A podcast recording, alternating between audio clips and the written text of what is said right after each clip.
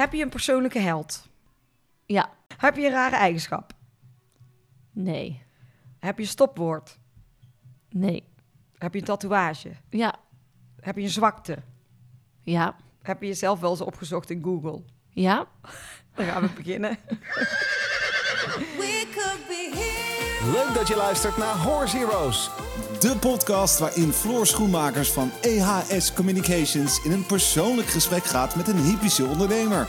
Elke week kun je luisteren naar interviews met één of meerdere gasten. Of meeluisteren naar de belevenissen tijdens hypische evenementen in de Horse Heroes Specials. We gaan beginnen.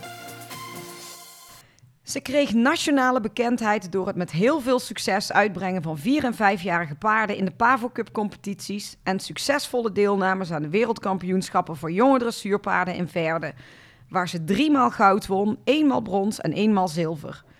Ze rijdt al jaren mee aan de Pavo Cup met paarden als Estoril, Desperado, Charmeur, Apache en West Point. Ze is door de jaren heen de meest succesvolle deelnemster van de Pavo Cup van iedereen geweest. Ze heeft namelijk acht keer gewonnen en staat 29 keer in de top 5. Met de KWPN goedgekeurde hengst Apache heeft ze zich in 2016 het Olympisch kader binnengereden. Op haar EK-debuut bij de senioren behaalde ze met Desperado zilver met het team. Ze is positief, vrolijk, streberig, doorzetter en realistisch. Vandaag ben ik te gast bij de talentvolle mama en dressuur-Amazone, Emily Scholters. Nou, ja, zeker. Wist je dat? Zoveel keren die Pavo Cup. Ehm, nou, ik, ik kan het me allemaal niet meer helemaal herinneren, maar ik heb wel één keer daar een fotootje van gemaakt. Uh, inderdaad, zoveel top 5 klasseringen. En dat ik daarmee wel dik bovenaan stond, vond ik toch wel uh, iets heel tofs. Dus dat heb ik wel, dat, dat fotootje heb ik nog steeds ergens. Oh, ja. ja, je staat al, al jaren op nummer 1. En, en, uh, en Hans Peter is nummer 2. Die Ja. heeft zes keer gewonnen en 19 keer in de top 5. En dan komt er heel lang niks. Nee, laten we dat zo houden. Dus de, de Pavo Cup Queen ben jij wel een beetje. Ehm, we gaan de podcast altijd eh, eerst terug in de tijd. Dus eh, ik wil graag weten, eh, waar ben jij opgegroeid en hoe? Eh, ik ben opgegroeid in Groningen, in Onne om precies te zijn, een heel klein dorpje. Ehm, ik heb twee broers. Ehm, ja, samen met mijn ouders toen eh, natuurlijk. Mijn vader is wel onlangs overleden, dus dat eh, is wat minder. Maar ik heb hartstikke leuke jeugd gehad. En altijd al met veel paarden en ponies. Want hebben jou, hadden jouw ouders ook iets met paarden? Ja, ja, absoluut. Allebei echt wel paarden fanaten. En ehm, mijn moeder altijd heel druk met ponies, met New Forest ponies. Ja, dus ik ben inderdaad echt opgegroeid met paarden en ponies. Maar je- niet eh, professioneel. Ze waren er niet professioneel mee bezig. En jouw broers? Ze hebben allebei gereden. Maar vonden niks. Maar hm, nee, nou, ook nog best wel een tijdje. Maar eh, nee, hadden niet het fanatieke wat, wat ik daarin had. Maar die waren echt echte voetballers, ja.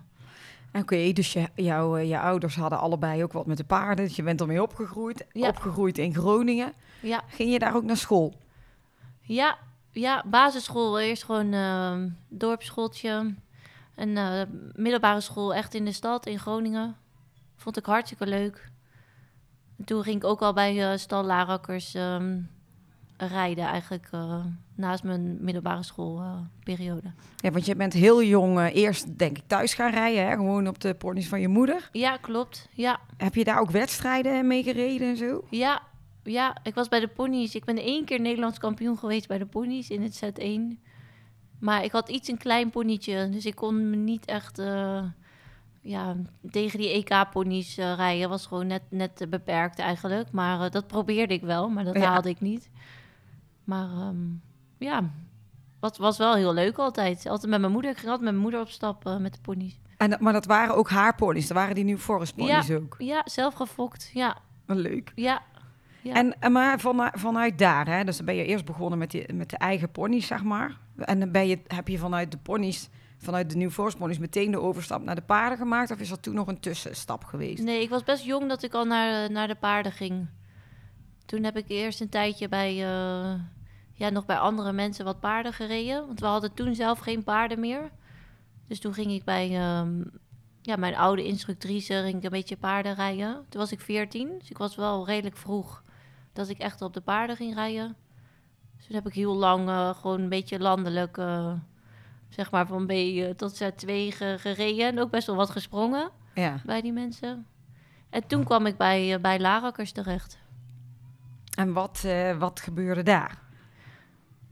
Ja, daar, daar ging ik dus heel eh, veel naartoe, ehm, terwijl ik nog op de middelbare school zat. Ja, en je hebt VWO gedaan, hè? Ja, ik heb jarenlang op het gymnasium gezeten, maar toen bleef ik twee keer zitten omdat ik zo eh, te, Te veel bij de te paarden veel was. bij de paarden was. En toen heb ik, ehm, ja, logisch, zeiden mijn ouders, oké, nou moet je wel echt even je best doen en het VWO halen. Dus dat heb ik toen, eh, nou niet echt mijn best voor gedaan, maar ik heb het wel gehaald. En ehm, ja, daarna ben ik een jaartje gaan werken bij Larakkers. Om te gaan kijken van, oké, vind ik dit echt heel leuk of wil ik toch gaan studeren? Wat had je dan gaan studeren? Nou, dat wist ik dus helemaal niet. Geen idee. Want heb je er, nee, heb je er nooit over nagedacht Nou, tijdens ging, school? ik dat ging allemaal naar die open dagen. dan, eh, toen dacht ik op een gegeven moment, nou dan misschien maar rechten, omdat toch iedereen dat, eh, iedereen dat deed, voor mijn gevoel. Nee, dat had ik niet echt. Nee, ik had denk ik toch misschien wel, eh, ja, zoiets van, ik ga toch met die paarden verder. Dus was je een advocaat of zo geweest, misschien. dat is ook leuk. Ja, ja. ja. Oké, maar wel dus. Je hebt na het VWO jaar bij Larakkers gewerkt. En eigenlijk, toen ging het virus eh, nooit meer weg. Nee, toen, eh, toen ben ik in ieder geval nooit meer gaan studeren. Nee. dus toen ben ik inderdaad aan het werk gegaan daar. En eh, ja, daar kreeg ik zoveel verschillende paarden te rijden. En dat was ook, dat waren ook mijn eerste jaren, zeg maar, in de Pavo Cup. Maar toen ben jij eh, bij, bij Larakkers, en, maar dan ben je dus uit huis gegaan. Of woonde je toen nog thuis in Eerst fietste ik heel veel op en neer van eh, naar eh, mijn huis, naar Groningen. Dan ging ik met de trein naar Winschoten. Ja, hoe ik dat allemaal vol heel geen idee. En dan ging ik daar paarden rijden. En dan ging ik weer met de trein terug, ging ik weer met de fiets naar huis. Jezus. Dus ik was, ja, het waren lange dagen, maar ik had, ik had toen al wel alles over om te kunnen te paardrijden. Ja. Ja. ja. En, en ben je een jaar bij Larakkers geweest of veel langer? Nee, wel langer. Ik, ik, ik denk, ehm, ja, eerst na school, ik denk toch een jaar of zes. Ja, Ja, dus op een gegeven moment ben je daar eh, wel gaan wonen. ja, ja. ja. En, en hoe oud was je toen? Oh, wat erg. Ik weet zulke dingen. Ik ben er altijd heel slecht in. Ik denk dat ik toen eh 18 of 19 was. Ja, dus best wel jong. En wat Ja. vonden je ouders ervan dat je die keuze eh, maakte? Nou, ik denk dat met name mijn moeder het eerst niet zo heel leuk vond. Want die wou eigenlijk toch gewoon graag dat ik ging eh, studeren. En dat ik dan gewoon de paarden een beetje ernaast ging doen. Maar ja, het ging eigenlijk wel direct heel goed. Dus ja, ik denk dat ze toen ook wel snel da- dacht van... Ja, dit is wel echt, eh, Dit ja, is echt goed. iets voor haar. Ja. Ja. Nou, ja, en in die jaren bij Larakkers, wat deed je daar? Precies. Ja, eigenlijk gewoon de hele dag rijden. Alleen maar ehm, ja, heel veel verschillende paarden rijden. Toen hadden we ook echt veel hengsten daar. Zoals Uphill en eh West Point. Ja. nog veel meer, maar dat waren dan mijn twee succesvolste. En ehm, ja, dus daar heb ik wel ja, gewoon mega veel geleerd met, met veel verschillende paarden. Ja, en ook het rijden van die hengsten natuurlijk. ja, En was het toen ehm, ook heel veel voor de handel? Of was het hengstenshows? Waren het ja. wedstrijden? Of alles? Nou, eigenlijk alles wat je nu opnoemt. Ja. Ja. Dus veel paarden gewoon voor de wedstrijden. We hadden toen best wel veel hengsten, inderdaad. Dus hengstenshows, hengstcompetitie, Pavel Cup. Ik deed alles daar voor het eerst eigenlijk. ja. Maar ik had gewoon wel direct eh, hele goede paarden. Ja. Dus dat was wel een enorme kans. Dat, ehm, ja, ik denk wel dat Christa werd toen... Ja, ik wil niet zeggen niet, niet oud, maar oké, die werd wel ietsje ouder misschien om echt die jonge paarden te rijden. En ik vond dat toen natuurlijk ja, super gaaf en ook totaal niet eng. nee. Dat ik nu denk van, wat wat heb ik allemaal gedaan? Maar ja, want wat is dat ding met jou en jonge paarden? ja, ik vind dat gewoon iets heel moois. Nog Ja. steeds eigenlijk wel. Ja, dat is wel... eh, is natuurlijk waar de opleiding begint. En ja, ik, ik vind dat wel iets, iets heel erg leuks. Ja, nog steeds. Vind je dat leuker dan eh, Grand Prix rijden? Nou, inmiddels niet meer, maar ik vind wel allebei nog heel leuk. Ja. Je ziet ook veel mensen die dat op een gegeven moment dan niet meer leuk vinden, de jonkies. Maar dat, dat vind ik wel nog steeds heel leuk. ja, maar het is voor jou natuurlijk... Je hebt ook verschillende natuurlijk, van jong helemaal eh, ja, tot het hoogste niveau Ja. opgeleid. Dus dat is ook wel heel bijzonder. Ja. Daar komen we straks nog even Ja. op. Jij bent eh, ook eh, opgenomen geweest in het Rabo Talententeam. was een heel groot succes. nee, niet. nee, vond ik niet. Vertel eens erover. Nou, op een gegeven moment, ja, ik had me daar gewoon iets heel anders bij voorgesteld dan wat het, dan wat het daadwerkelijk was, Ja, denk ik. Want ik had dus een paard ehm, van eigenaren toen bij, eh bij waar ik, nou, weet je wel, had ik zo jarenlang voor geoefend. Kon ik bijna Inter 2 rijden, daar was ik zo trots op. En ehm, toen mocht ik dus inderdaad in het talententeam. Maar ja, dat, dat is, voor mij was dat niet wat ik ervan had verwacht eigenlijk. Was, ehm, ja, ik dacht, oh leuk, krijg je allemaal begeleiding en... eh, en mag je grote wedstrijden starten. ja, ja. Maar oké, toen werd dat paard ook best wel snel eh, verkocht. ja. Dus dat was... eh, Een ja. korte periode. Ja, was een korte periode. ja, ja, ja. Nou, en jij zei net al eh, dat jij bij Larakkers voor het eerst waarschijnlijk dan ook die Pavo Cup Ja. wedstrijden bent gaan rijden. Ehm, kan je daar nog iets van herinneren met welke paarden dat was? Ehm, nou, ik moet heel eerlijk zeggen, ik denk dat ik met Uphill alles... eh, Nee, nog eerder. Dat waren zelfs R'tjes. Riondine was dat, waar ik uiteindelijk ook eh, Inter 2 mee heb gereden. Heeft later Kirsten Bekkers nog gehad. Ik denk dat ik met haar voor het eerst eh Pavel heb gereden. Heel lang geleden. Ja, dus dat is echt wel lang geleden, ja. ja. Maar met Uphill was mijn eerste successen, denk ik echt. Ja, want daar, eh, daar begon het eigenlijk al meteen hè, voor jou dat jij heel veel naamsbekendheid kreeg. Ook eh, met name door, eh, Door- ja. door die Pavo Cup. Ja, dat klopt. Ja, En de wereldkampioenschappen.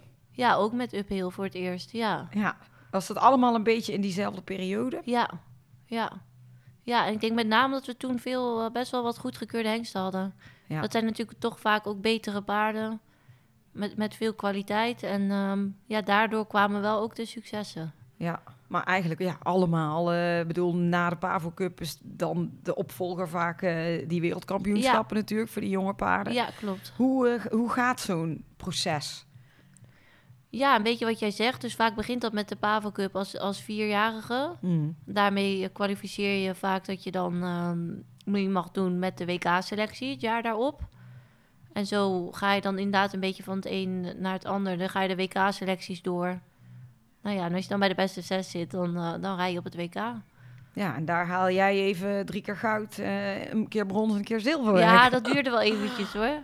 ja. Ik weet nog, het eerste jaar met Uphill was ik echt eh, vijftiende. en het jaar erop, net buiten de finale, was ik zestiende. En toen met West Point was ook een leuk verhaal. Die was als vijfjarige... Mocht ik, als vierjarige won hij de Pavel Cup. Dus daar hadden we best wel veel verwachtingen van. Toen mocht ik naar het WK. Nou, volgens mij werden we 36e. Alles ging ook echt fout. En het jaar daarop won die. Dus dat, Ja. was, wel, eh, dat was wel best een bijzondere ervaring. Omdat toen hadden we het natuurlijk niet verwacht. En toen werd hij wereldkampioen. ja, wel gaaf. Ja, ja. En hoe is die sfeer dan daar op die, eh, op die jonge paardencompetities? Ja, wel heel leuk. Vind ik, ja. Ja, anders dan op gewone wedstrijden. Kan je daar omschrijven? Nou, ik, natuurlijk is iedereen wel eh, ja, streperig of zo. Maar ik denk met jonge paarden is dat nog wel ietsje anders. Omdat je ook, ja... Misschien dat je anders nog wel eens een keer fouten zit te kijken. Dat je hoopt dat iemand een keer iets fout doet. Met, met de jonge paarden gaat het natuurlijk wat meer om de aanleg en de Ja. beweging. En dus ja, ik denk dat het wel eh, ja, in die zin wat gemoedelijker is. En misschien gaan mensen ook wel nog meer kijken, ook bij elkaar, of niet? Van wat Ja. voor eh, paarden er dan Ja, meelopen. ja, en dan kijk je, tenminste dat heb ik zelf ook, je kijkt gewoon graag naar een goed paard. Ja. En, en ja, wie er dan op zit, of, eh, dat maakt dan niet zoveel uit. Dus ja, dat vind ik wel heel leuk aan de Pavel Cup. Dat je gewoon inderdaad heel veel goede jonge paarden bij elkaar ziet. Ja. En ehm, op een gegeven moment vertrok jij eh, uit het hoge noorden. Ja, dat klopt. Ja. Hoe is dat gegaan? Ehm, ja, dat kwam door Jeroen natuurlijk. Ehm, dat was in het jaar dat West Point wereldkampioen werd. Daarna eh, ben ik inderdaad naar het zuiden verhuisd. Ehm, ja, het was eigenlijk wel grappig. Ik reed natuurlijk heel vaak tegen Madeleine met Winton. ja. Dus we waren eigenlijk altijd een beetje concurrenten van elkaar. En eh, ja, ik vond Jeroen ook altijd maar een beetje stom. Want eh, we waren altijd een beetje soort tegen elkaar. En, maar ja, op een gegeven moment dacht ik, nou, ja, het is misschien toch best wel een leuke jongen. Want je kwam hem iedere keer tegen Ja. op al die jonge paarden. Ja, Dus ja een inderdaad. Ja, ja. Nou, en zo een beetje inderdaad van het een kwam het ander. En toen hebben we, denk ik, twee jaar eh, zijn we veel op en neer gereisd. Maar dat was natuurlijk eigenlijk niet te doen. Van Groningen naar eh Schijndel. Nee. was echt eh, dik ehm, ja, twee uur en een kwartier rijden of zo. Dus toen moest je op een gegeven moment wel een beetje een beslissing maken van oké, gaan maar we hoe oud verder? was jij toen, toen je Jeroen tegenkwam? Hoe oud waren jullie? Oh, ik ben zo slecht in. Ongeveer. Ik denk dat ik toen eh 21, zoiets, ja. Ja. Leuk. 21. Ja, ja, ze is al best wel lang, ja. Nou ja, ja je zei, eh, het, is, ja, het is natuurlijk super ver van Groningen naar Ja. Schijndel elke keer. Ja. Dus toen gingen jullie bedenken, Ja, hoe gaan we, oké, gaan we, gaan we voor het echt ja, gaan we voor het echt of we stopt het hier? Want ja, we dachten, we moeten wel echt een keuze maken, anders kan, we kunnen niet zo eh, nog jaren door. Nee, Dus toen ehm, ja, ben ik naar hem toe gegaan. Ja, dat was echt wel heel spannend toen. ja, Oké, dat is ik. wel... eh, ja, het heeft eh, uiteindelijk ook allemaal heel goed uitgepakt. Ja, en hoe, eh, hoe ging dat daar? Want ik bedoel, dan vertrek je toch eh, van iets waar jij eh, heel succesvol was en je paarden Ja. allemaal had. eh, ga je helemaal naar Schijndel. Ja, Hoe, hoe was het daar? nou, ik vond het echt heel erg wennen in het begin. Ze zeggen vaak Groningers zijn stug, maar eh, ik vond de Brabanders wel ook echt een beetje, wen- een beetje wennen, als ik heel eerlijk ben. Oh ja? ja, ja. Ja, ik weet niet, in Groningen zeg je wel gewoon wat je, wat je vindt. En eh, nou, ik weet niet, in Brabant moest ik daar wel even naar wennen. Dan dacht ik, nou, eh, ja, vond ik het soms een beetje soort gemaakt of zo. Dat, eh, Oh ja, echt? ja, ja. Oh, ik vind Brabanders juist best eh, recht voor de raap altijd ook wel. Ja, nou dan zijn Groningers misschien wel nog wel meer recht voor de Nog rechter voor. Ja, dat heb, ik weet het niet. Ik ken er niet zo heel veel eigenlijk. Nee. Maar, leuk, je ging... eh, ja, nou ja, je kwam dus daar. En wat voor paarden ben je toen gaan rijden? Ehm, nou, toen kwam redelijk snel kwam een Apache op ons pad. Hoe is dat gegaan? Nou, in de tijd van Larakkers reed ik al wel eens een paard voor Ad. Dus ik kende Ad al wel ietsje langer. Maar dan is dat toch een andere verstandhouding. Omdat je dan natuurlijk eh, gewoon stalruiter bent. Ja. En ehm, toen weet ik wel, toen heeft Ad wel nog een keer aan, aan eh, Jacques Larakkers toen gevraagd... denk je dat ehm Apache iets voor Emily zou zijn? Toen heeft Jacques wel gezegd, ja, dat denk ik wel. Dus ehm, ja, toen kwam Apart redelijk snel. Toen kreeg ik Charmeur te rijden van, van Nico, van Jeroen zijn vader. Ja. Eh Bretton Woods. Dus ik had wel redelijk snel alweer wat goede paarden. Er ging ook een paar mee van Winschoten naar Schijndel. Dus toen was ik die, die eigenaar ook wel heel dankbaar. Dus ik kon eigenlijk best wel ja, direct weer een mooie ja, start maken. Ja. Ja, en dat ging, ging eigenlijk gewoon ja, direct eigenlijk weer heel goed. Ja, want je hebt echt wel, als je het zo opnoemt, je hebt wel hele gave paarden Ja. altijd gehad. Hè? Ja, Maar met, met Apache, die, die was dus al bij Ad. Die Ja. heeft hij, hoe, hoe is die bij Ad gekomen, weet je dat? ja Ad heeft uh, Apache als veulentje gekocht. Ja, Dat doet hij nu nog steeds veel. Hij koopt veel paarden als veulentje, bijvoorbeeld als Indian Rock ook. ja. En ehm, ja, dus met, ehm, met Apache was dat hetzelfde. En, ehm, maar die was wel al 4,5 toen die bij mij kwam. Dus had eerst Yvonne Copal opgereden. Ook als vierjarige de Cup meegereden. En daarna kwam die, eh, kwam die naar mij.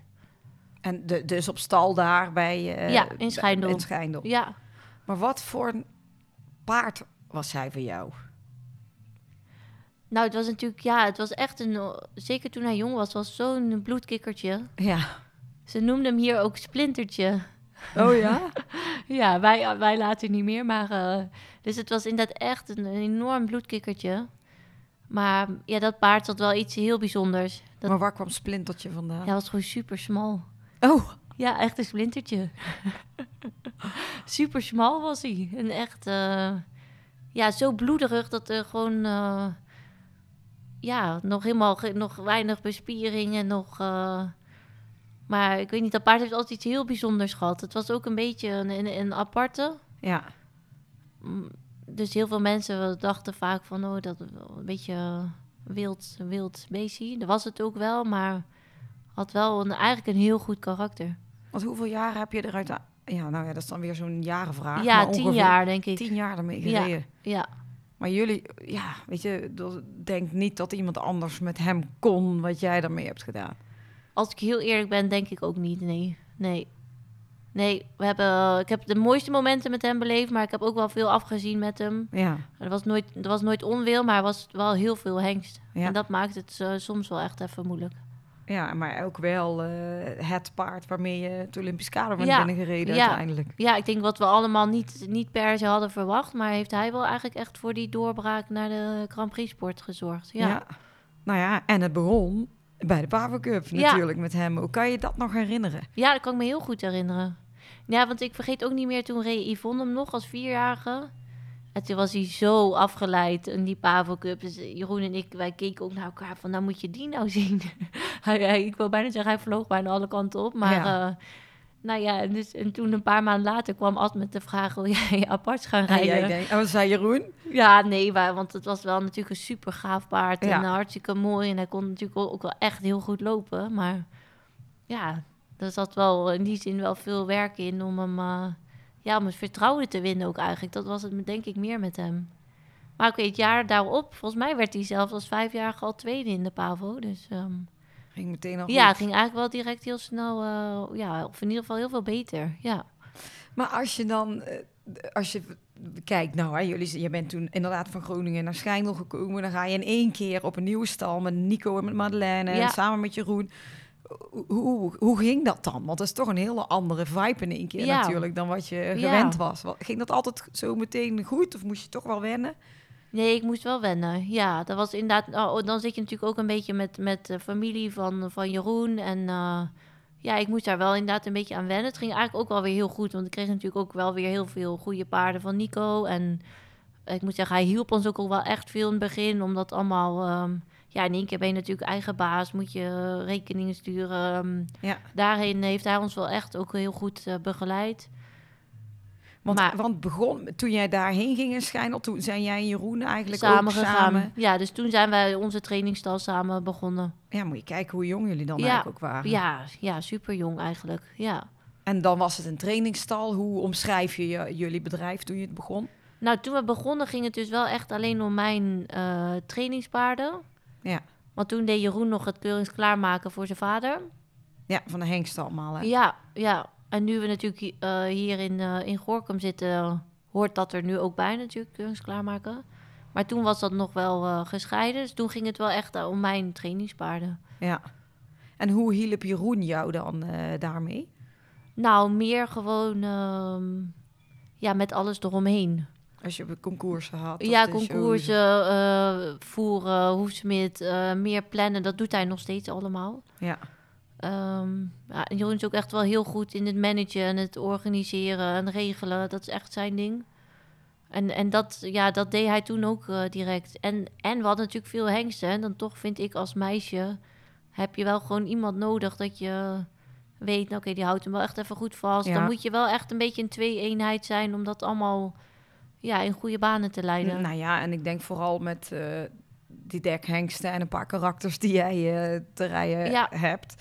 Ehm, maar jullie gingen op een gegeven moment van Schijndel eh, weer een stap verder. Ja, Hoe is dat gegaan?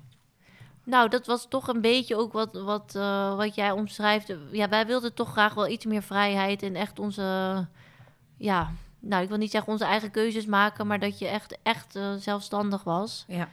En ehm, ja, dat was wel een beetje, dat was wel heel lastig, moet ik wel heel eerlijk zeggen. Dat was voor ons een hele lastige stap. Dat was voor Nico en Madeleine natuurlijk ook niet leuk dat we daar, ehm, dat we daar weggingen.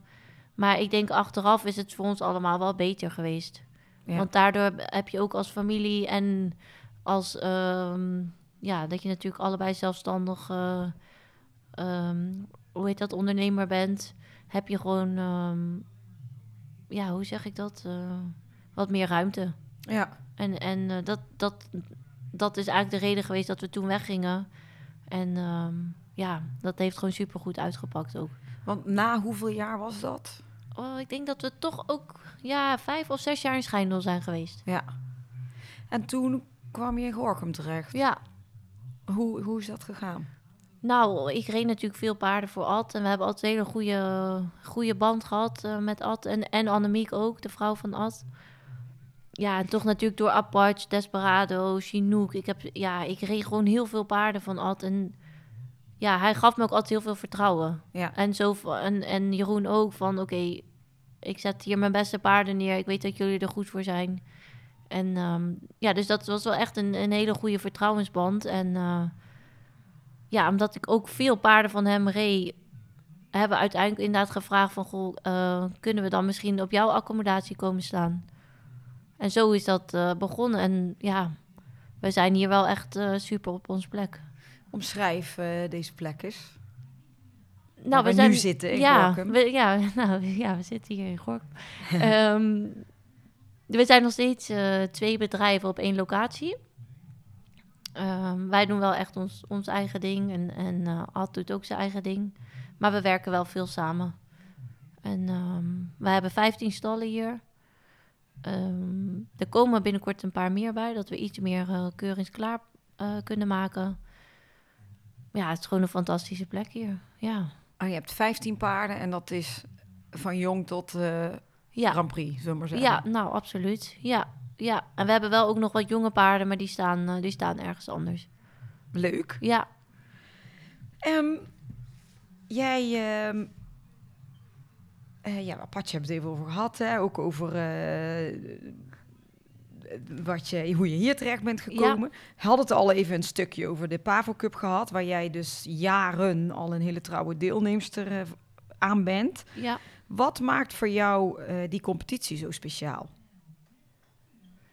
Nou, ik, ik, ik denk sowieso is het PAVO... Vaak is het een heel, een- in ieder geval een heel goed leermoment voor een jong paard. Ja. Eh, je hebt een beetje iets om naartoe te trainen. Er zijn natuurlijk ook mensen die in de B en in de L eh, mogen starten en kunnen starten. Heel veel ehm, ja, ruiters zoals ik zelf, die mogen dat ook niet meer. Oké, of je dat ook wil, is natuurlijk een tweede. Dat, dat is denk ik ook beter eh, van niet. Dat dat gewoon bij de basissport, bij de basisruiters blijft. Maar dus ik vind het sowieso al een heel goed leermoment voor de paarden. Het is iets om naartoe te werken. Ehm, ja, ik, ik kijk altijd wel uit naar de Pavel Cup. Ja, want ja, maar jij bent natuurlijk ook heel goed met die jonge, met die jonge paarden altijd bezig. Dus dan is denk ik de Pavo Cup ook een soort... Ja, is dat een soort meetmoment dan van eh, hoe, Ja. ze erin staan? Ja, ja, absoluut. Het is ook vaak wel voor de hengst is het natuurlijk ook wel belangrijk als ze daar goed, eh, Ja. goed presteren. Ehm, Oké, het, is, het is ook de selectie voor de dat je deel mag nemen weer aan de WK-selectie. Dus het is ook gewoon een belangrijke, ja, belangrijke wedstrijd. Ja. Waarom gaat eh, juist jou dat Pavo Cup rijden zo goed af?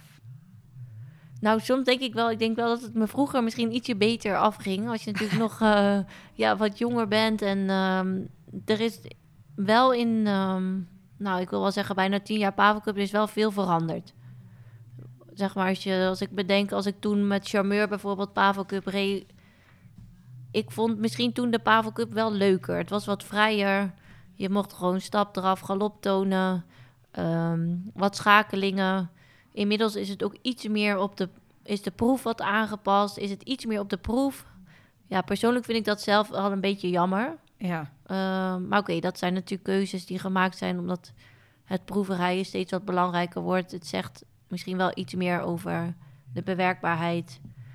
Maar daardoor kom je wel, vind ik, als ik het nu rij, kom je wat minder lekker ja, in, in een ritme om, om eh, gewoon je paard lekker voor te stellen. omdat je die, die, die ja, er zitten heel veel schakelingen in, veel Ja. eh, iets moeilijkere lijnen, soms ietsje te lastig, vind ik zelf.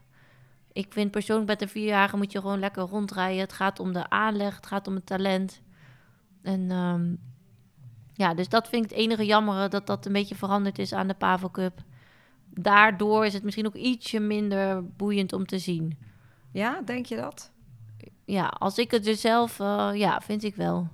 Waarom denk je dat die, die keuze belangrijk is geweest dan? Dat ze het op deze manier gaan doen? Nou, ik, op zich vind ik het wel een goede keuze dat er iets meer schakeling in zat. Alleen het is misschien iets, hebben ze misschien iets te moeilijk gemaakt.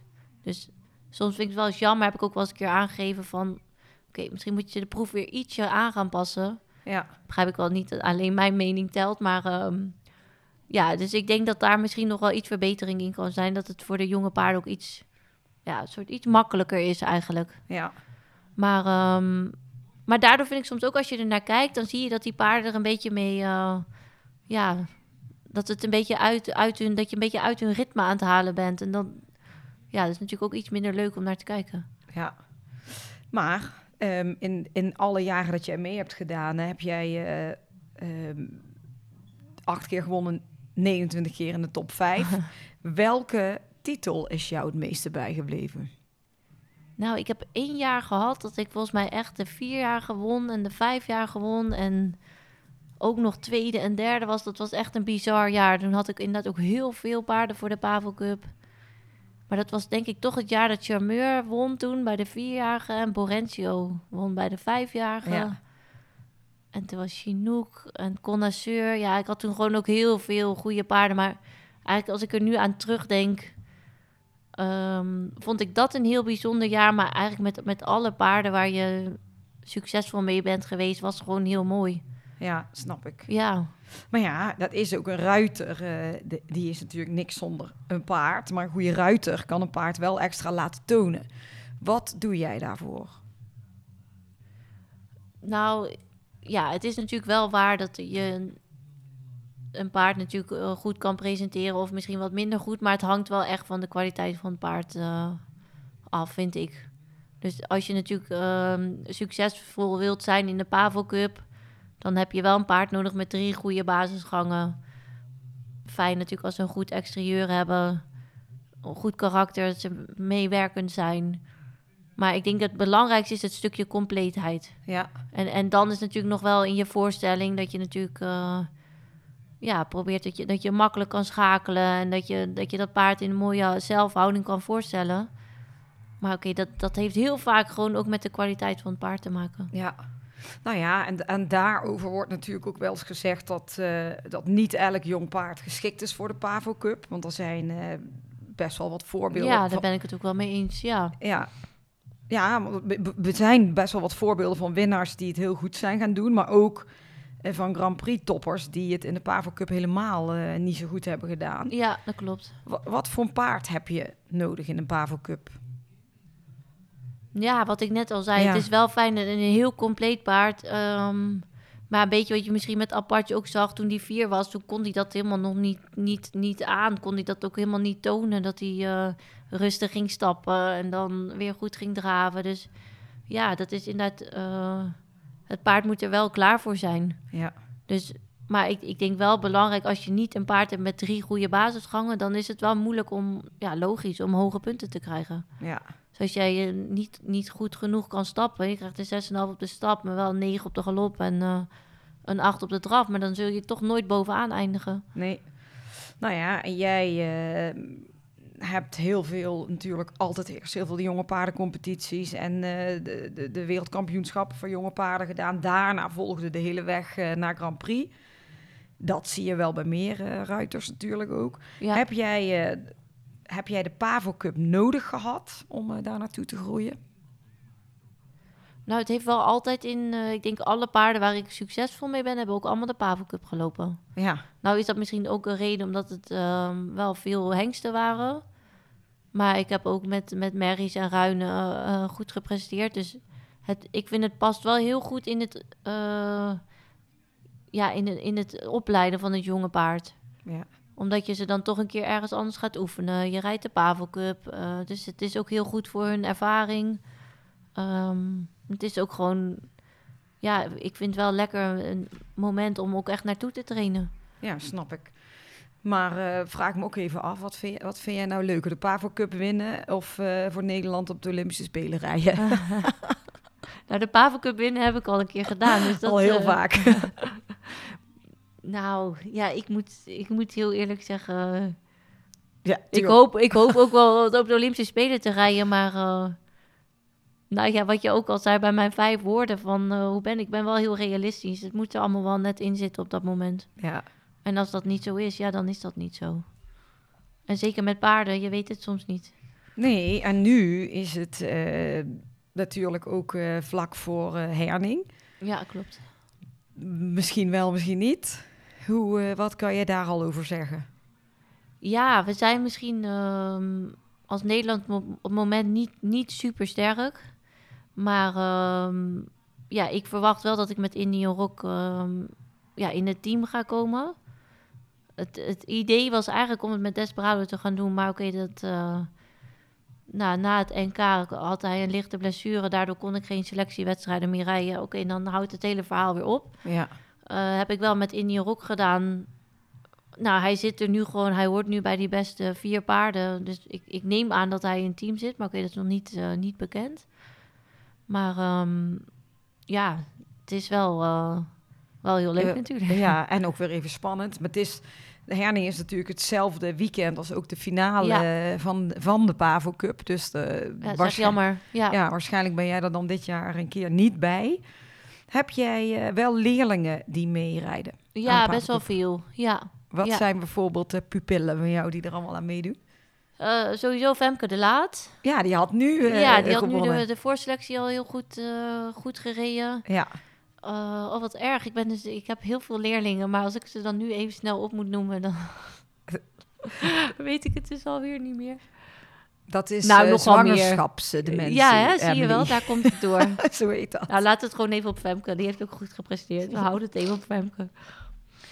En ehm, we gaan, hebben ook altijd een onderdeel ehm, in de podcast gaat over muziek. En wat het lievelingsliedje is van, eh, van degene in de podcast. Nou, jij hebt eh, ook een nummer doorgegeven. Kun je mij zeggen welk nummer het is en waarom dat bijzonder voor je is?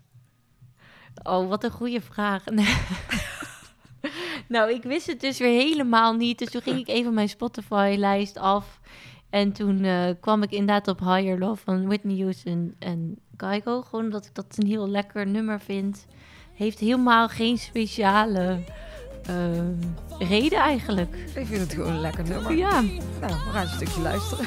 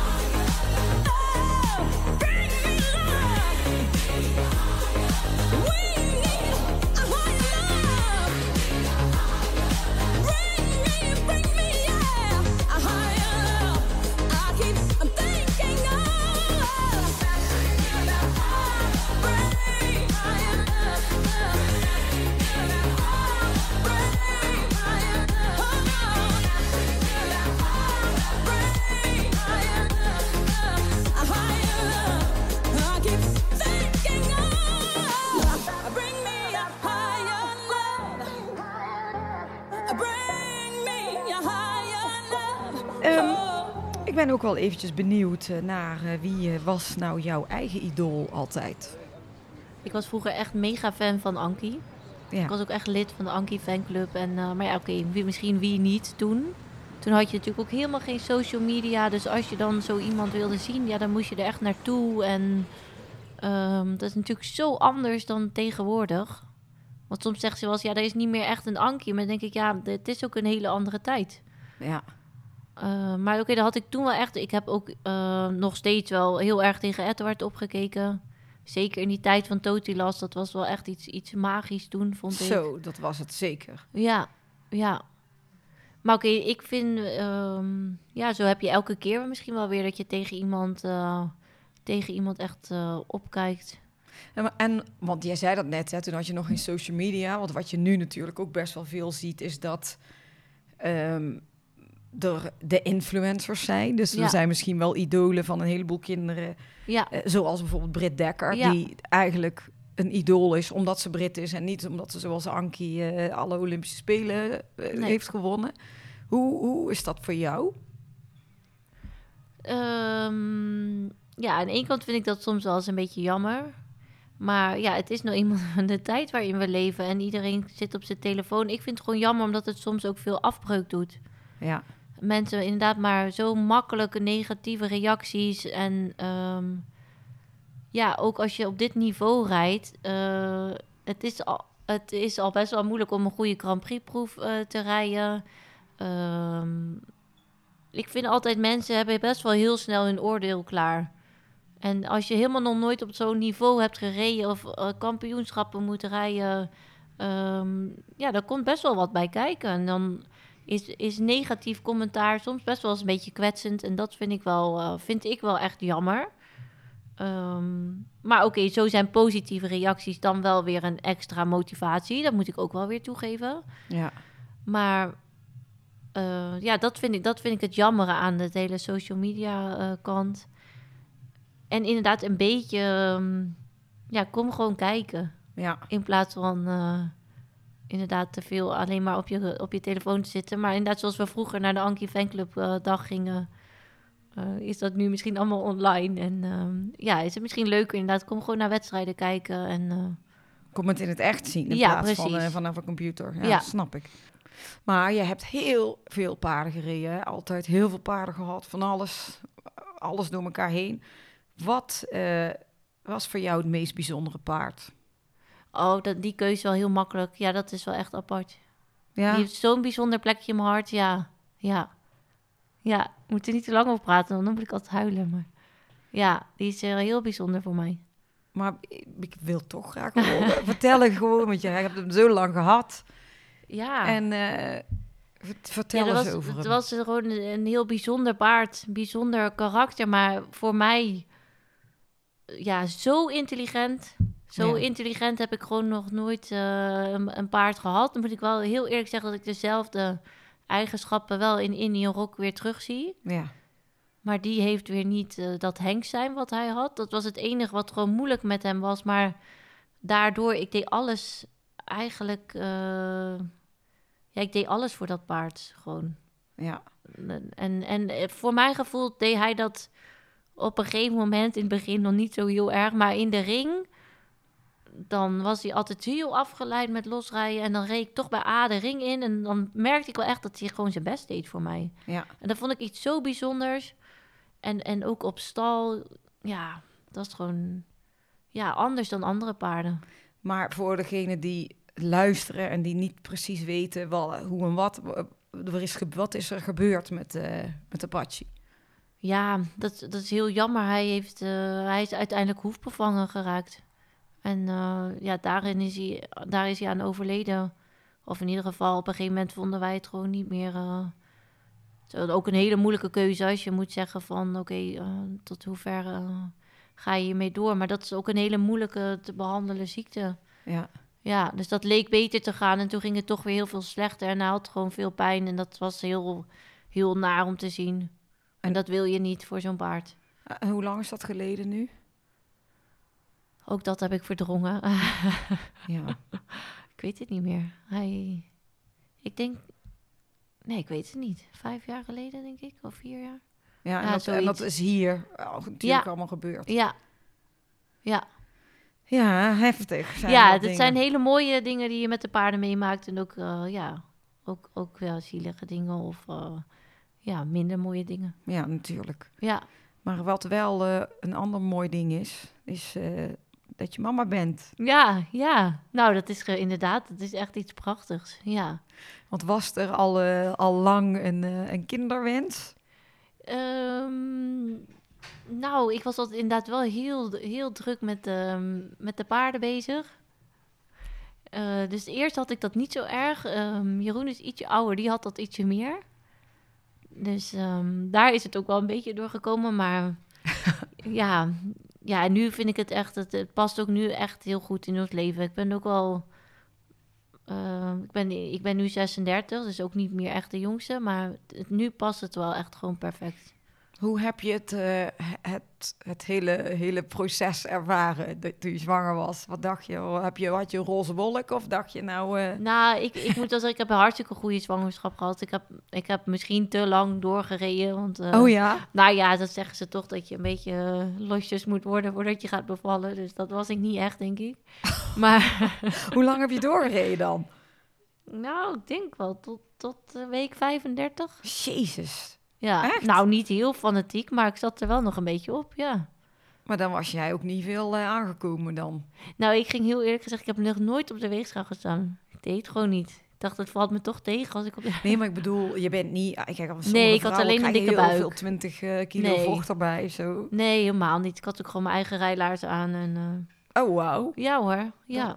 Nee, dus eigenlijk ging het zwanger. Alleen ik vond zwanger zijn niet zo leuk, omdat je gewoon gewend bent aan veel doen en veel rijden en veel sporten. En ja, dat gaat dan natuurlijk op een gegeven moment niet meer echt. Nee.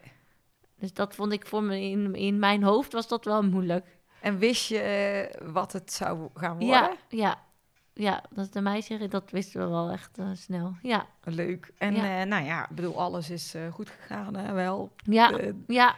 en hoe oud is ze nu? Ze is nu vijf maanden. Ja, en ik, jij loopt er weer bij alsof je nooit geen baby eh, gehad hebt. Ik, hoe dan? hoe heb je dat voor elkaar? Ja, nou, dat, dat ging, ik ging natuurlijk wel weer. Ik had zo zin om ook weer te gaan rijden. Dus eh, ja, mijn motivatie was wel weer heel, heel eh, ja, groot om weer te gaan rijden en weer lekker aan de gang te gaan. Ja, dus zo ging, kwam ik ook alweer snel. eh, je hebt geen lange verlof gehad? Dan? Nee, nee, Gewoon geen. nee, niet zoveel. Nee, maar dat kwam meer door mezelf, ja. En Ja. hoe, hoe combineer je het nu allemaal? De paarden en eh, alles wat je gaat doen met... eh, Nou, Met we het hebben, mama ja, we hebben dus een hartstikke leuke oppas eh, van half negen tot half drie. Dus dat ik wel gewoon echt even lekker kan rijden en dan ook echt daarmee bezig kan zijn. Maar ik geef bijvoorbeeld nu wel echt veel minder les. Ik gaf ook altijd heel veel les. Nu geef ik echt veel minder les, omdat ik natuurlijk ook gewoon ja, lekker bij haar wil zijn smiddags. En dat we ook nog samen gewoon een keer leuke dingen gaan doen. Maar, en dan wisselen we het een beetje af. Dus of Jeroen is middags thuis of ik. En, ehm, dus je hebt wel echt je leven er helemaal op aangepast. dan? ja, zeker. Ja, ja. Maar het ook- moet ook wel heel, ik vind het ook wel echt heerlijk nu. Ja, het is ook iets zo bijzonders en het is voor je relativeringsvermogen ook heel goed. Ja. Als ik nu een keer wat minder rij en dan daarna kijk ik in de kinderwagen en dan denk je, ja, zijn ook belangrijkere dingen. Wat voor, een, eh, wat voor meisje is het? Ja, het is wel echt heel makkelijk, denk ik. Ja, ik heb geen eh, vergelijkingsmateriaal, maar het is hartstikke lief en vrolijk. Ja, ja, meisje nog. Ja, het gaat hartstikke goed. Ja, Leuk. ja. Ja, nou, is toch fijn als Ja, het nee, hartstikke fijn. eh, En ze slaapt goed, dat is ook heel prettig. Ja, Ja, ik kijk er blij zijn hier. Mooi, gaat ze overal mee naartoe? ja ze is overal mee naartoe geweest. Ja, ja, ja. We nemen, we, we nemen er eigenlijk inderdaad overal mee naartoe, behalve als het, als het echt eh, niet, niet eh, kan. Maar ze heeft inderdaad al wedstrijden, hengste shows. eh, Dus die krijgt dezelfde paplepel als wat jij Ja, vroeger hebt gehad. Ik moet wel heel eerlijk zeggen, als ze nu naar een paard kijkt, dan kijkt ze er echt zo naar van, nou, het interesseert me niet. Dus ik Ja, hoop dat dat nog gaat veranderen. Jawel, maar als ze zo klein is, dan weet ze het toch nog niet precies Nee. ze zien. Leuk.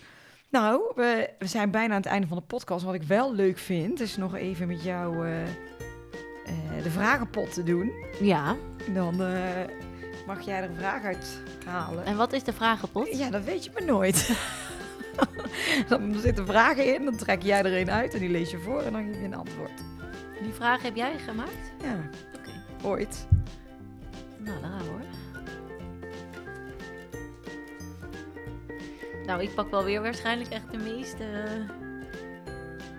Er staat dus in het Engels op... eh, How would you like to be remembered? Ja. nou, ehm, nou ik, ik hoop eigenlijk gewoon dat mensen als ze aan mij denken... dat ze gewoon... eh, ja, een leuk en positief persoon. En, en niet zozeer op, op wat je bereikt hebt of zo, maar gewoon dat je, eh, ja, ook gewoon eh, mensen je een prettig persoon vinden, vind ik wel belangrijk. Ja. Nou, mooi. Ja, ja. Nou ja, er zitten ook gewoon Nederlandse vragen in. Deze, is- Ja, hè? deze heeft gewoon de afwisseling met Engels. Die is denk ik meegewezen nog naar... eh, Wil je een andere? Nee, ja, ik wil sowieso nog een andere. Oh, nog eentje? Ja, Oké, even een Nederlandse nu dan. even Nederlands. Ben. Ben jij een buiten- of een binnenmens? Nou, zeker een buitenmens. Ja, Ja. van vroeger al, denk ik. Ja, met mijn twee broers was ik altijd buiten aan het spelen. En, ehm, ja, en nu nog steeds. Ik ben heel graag buiten. Ook met de paarden. En, ehm, ja, echt een buitenmens. Ja, maar je leeft ook wel veel buiten Ja. natuurlijk. Ja, Maar er zijn ook wel mensen die dan heerlijk vinden om thuis eh, lekker te koken en dan filmpjes te kijken en gewoon weer hup naar binnen toe. Heb jij niet nee, niet buiten zijn? zozeer. Ja. Oké, we doen er nog één. Oh, nog eentje.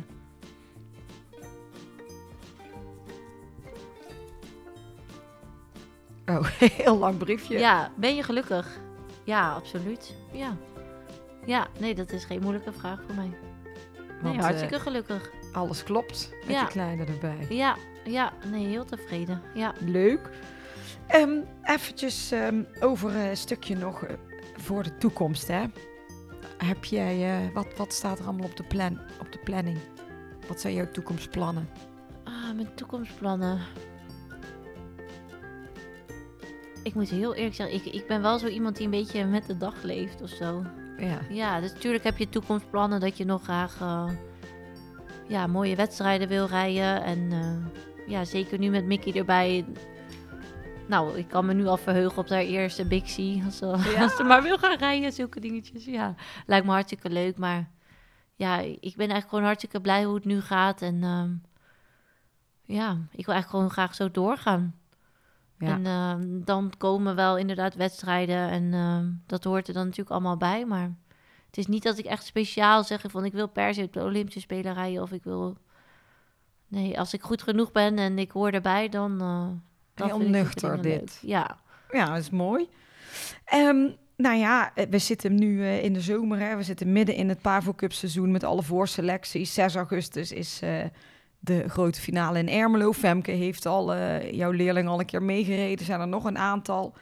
Wat eh, kun jij nog zeggen om het af te ronden? Wat eh, de Pavo Cup heel interessant maakt om te bezoeken voor mensen die er nog niet zijn geweest. Om te zeggen van, joh, ga naar die voorselecties, ga naar de Ja. finale. ja ik, zou sowieso, ik zou sowieso gaan. Zeker als je natuurlijk een paardenliefhebber bent. En je ziet wel echt de beste jonge paarden van Nederland bij elkaar. Ehm, ja, het is gewoon een beetje jammer inderdaad, omdat het nu gelijk is met het WK, dat een aantal niet kunnen komen of een Ja. aantal paarden ja, er niet zullen zijn. Dus dat is het enige jammere van dit jaar. Maar het is gewoon een superleuk, ehm superleuk evenement. En ja, je ziet gewoon de beste jonge paarden bij elkaar en tegen elkaar lopen. En ja, ik vind dat zelf altijd. Ik vind het alleen al heel leuk om eh, te zien, ook al rij Ja. ik niet mee. Dus ja, ik zou zeker gaan. En als mensen meer willen weten over jou en jouw carrière en wat je allemaal aan het doen bent en wat er gaat gebeuren in Herning of misschien alsnog op de Pavo Cup, maar dat zal wel niet, maar stel dat er, Ja. eh, je weet het niet. Waar eh, kunnen ze jou volgen? Ehm, nou, eh, jij bedoelt dan op de Instagram en zulke Ja. dingetjes. Ja.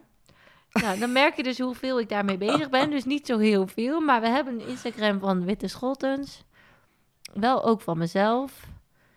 Ehm, we hebben inmiddels ook een eigen kledinglijn. Dus eigenlijk moet je Redswear ook eventjes volgen. Als je toch bezig bent. Red Swear Ja, op Instagram. ja, Leuk. ja.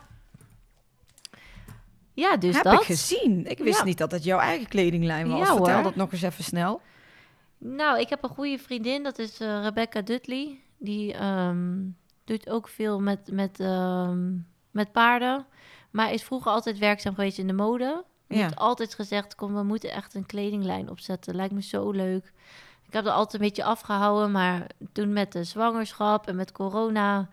Ja, gingen we, gingen we inderdaad, waarschijnlijk net zoals jij, een beetje over andere dingen nadenken. En zijn we eraan begonnen. Ja. En ehm, ja, is het dus onze, onze eigen kledinglijn. Maar wat is het? Wat, wat, wat is het voor echt, kleding? ehm, het is wel gericht op eh, paardensport, maar het is echt een heel sportief merk. ja. Eh, dus je kan ermee gaan paardrijden, je kan ook lekker mee naar, naar de sportschool gaan. Of, ehm, dus het is eh, in die zin, er staan niet allemaal paarden op. Of, het, het is echt een sportmerk. En het heet Red Swear. En hoe kom je bij die naam? Nou, dat komt, eh, de R is van Rebecca, de E is van Emily, de D is van Dudley en de S is van Schottens. Ah, Ja. wat goed. Nou, leuk. Ja. Nou, dan gaan we het dus allemaal onthouden. Dus daar ook even naar kijken. Leuk, ja. En ga eh, zeker ook even kijken op de website van het KWPN... eh, wanneer alle selectie- en voorrondes zijn van de Pavo Cup. 6 augustus in Ermelo is de grote finale. Eh, dus een evenement waar Emily heel vaak aan heeft deelgenomen... en eh, waar ze misschien wel een beetje de Queen Pavo Cup van is. Ik wil jou heel hartelijk bedanken dat je tijd had in al jouw drukke bezigheden om, om mee te doen aan de podcast. En ik wens jou ja, nog heel veel mooie dingen en succes in Herning. Daar Als, we ja, als, maar ja, ja. goed, we, we gaan ervan uit van wel. En ehm, bedankt allemaal voor het luisteren. Dit was een extra podcast tussen de, de terugblikken van eh, de eerste vijf seizoenen. En eh, tot volgende week. Bedankt voor het luisteren. Emily, dankjewel. Ja, geen dank. Doei! Dag. We could be heroes.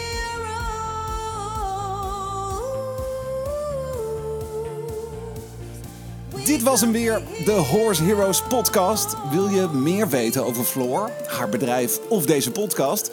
Kijk dan even op de website van ehscommunications.nl. En wat je ook zeker even moet doen, is je abonneren op deze podcast om geen enkele aflevering te missen. Het zou helemaal top zijn als je dan meteen een beoordeling achterlaat. Tot volgende week! We could be